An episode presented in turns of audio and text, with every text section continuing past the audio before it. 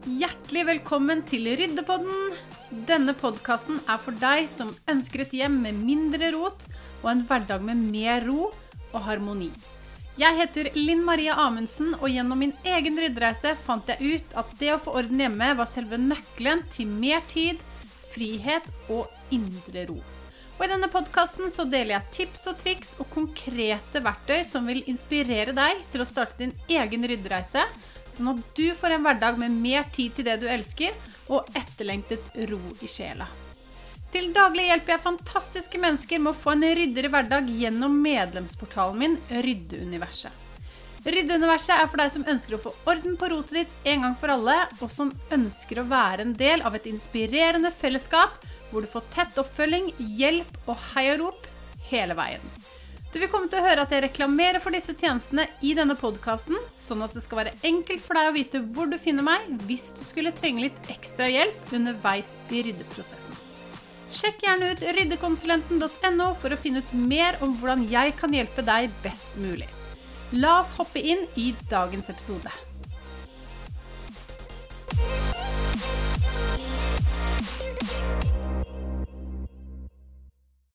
Velkommen til dagens episode av Ryddepodden, hvor jeg skal snakke om hvordan gi slipp med god samvittighet. Eh, fordi vi vet jo alle at det kan være utfordrende å gi slipp på ting vi har hatt med oss i lang tid. Fordi ofte så får vi en følelse av dårlig samvittighet, fordi det er jo altså Både det at det er noe vi har eid kanskje over lang tid, så vi syns vi får dårlig samvittighet fordi vi skal kvitte oss med det. Eh, og selve det å skulle gi slipp kan være vanskelig. Så i dag så tenkte jeg vi skulle utforske litt hvordan vi kan si, overvinne denne utfordringen og finne glede i den prosessen og gi slipp. Det å gi slipp, det handler jo eh, mer Altså det handler om mer enn bare å kvitte seg med ting. For det handler om å bestemme seg for hva som gir deg glede, og hva som er verdi i livet ditt. Så vi skal se på mange av fordelene ved å gi slipp, fordi det er eh, veldig mange fordeler, men også hvorfor det føles vanskelig, og hvordan du kan gjøre denne prosessen med god samvittighet. Så noen av fordelene med, eh, fordelene med å gi slipp er jo at du føler deg friere. Og du trenger ikke å bruke like mye tid på å rydde eller lete, noe som frier enormt mye tid i hverdagen. Så hvis du tenker på dette, hvis du bruker mer enn fem minutter hver dag på å lete, så kan du tenke deg hvor mye tid du kaster bort på det hver måned. Fem minutter hver dag, det er to timer i måneden. Og jeg sier ikke dette for at du skal få dårlig samvittighet for at du ikke har oversikt over tingene dine, eller bruker mye tid på å lete. Det pleide jeg å gjøre også. Men jeg sier det for å gi deg et vennlig push til å komme i gang med ryddeprosessen, fordi det er virkelig en befrielse når du tør å gi slipp på denne byrden som det er å ha for mye. En annen fordel er jo at du vil oppleve at du bruker mindre penger. Fordi kjøpelysten avtar når du ikke lenger eh, ønsker Altså når du begynner å få ting ut, så vil du automatisk kjenne på at du ikke lenger ønsker å fylle opp hjemmet ditt med unødvendige ting. Og ikke minst vil det gi mindre stress, fordi et hjem med færre ting gir deg jo bedre oversikt, det blir luftigere, og du får en helt annen ro rundt deg. Så det å gi slipp og ønske en hverdag med færre ting hjertelig velkommen, vil også gi deg økt fokus og produktivitet, fordi færre ting rundt deg betyr mindre distraksjoner. Og spesielt viktig er det jo for eh, de av oss som har hjemmekontor, fordi at um, det er så fort gjort å miste fokuset hvis du si, ser på alt rotet rundt deg, men også vet Du, du ser liksom at ryddeprosjektene stirrer på deg. Da er det ikke så veldig lett å fokusere på det du skal gjøre. Og noe som også er viktig, er at når du omgir deg med det som virkelig betyr noe for deg, så tar du også bedre vare på det.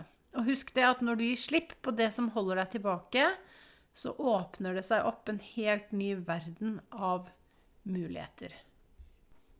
Og så er spørsmålet hvorfor er det så himla vanskelig å gi slipp?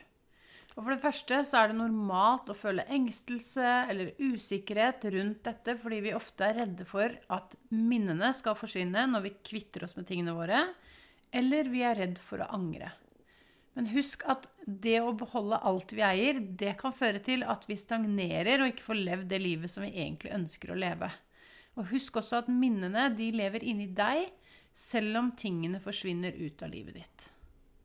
Så istedenfor å grue deg til å skulle begynne å gi slipp på ting som ikke lenger tjener det livet du lever i dag, så er det lurt å prøve å snu litt på flisa og tenke at det å gi slipp kan gi deg et hav av muligheter og åpne opp en helt ny verden for deg.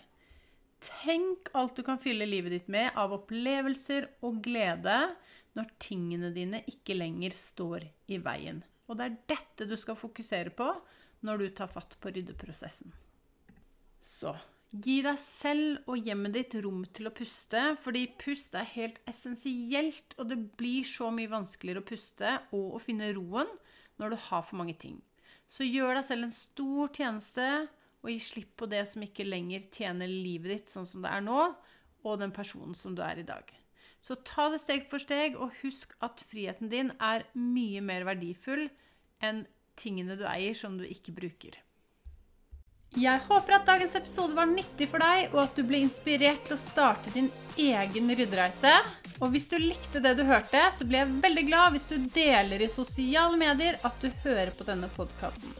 Og tagg meg gjerne med at ryddekonsulenten, sånn at jeg kan si hei til deg og takke deg for at du deler. Du finner meg under navnet Ryddekonsulenten på Instagram, Facebook og TikTok.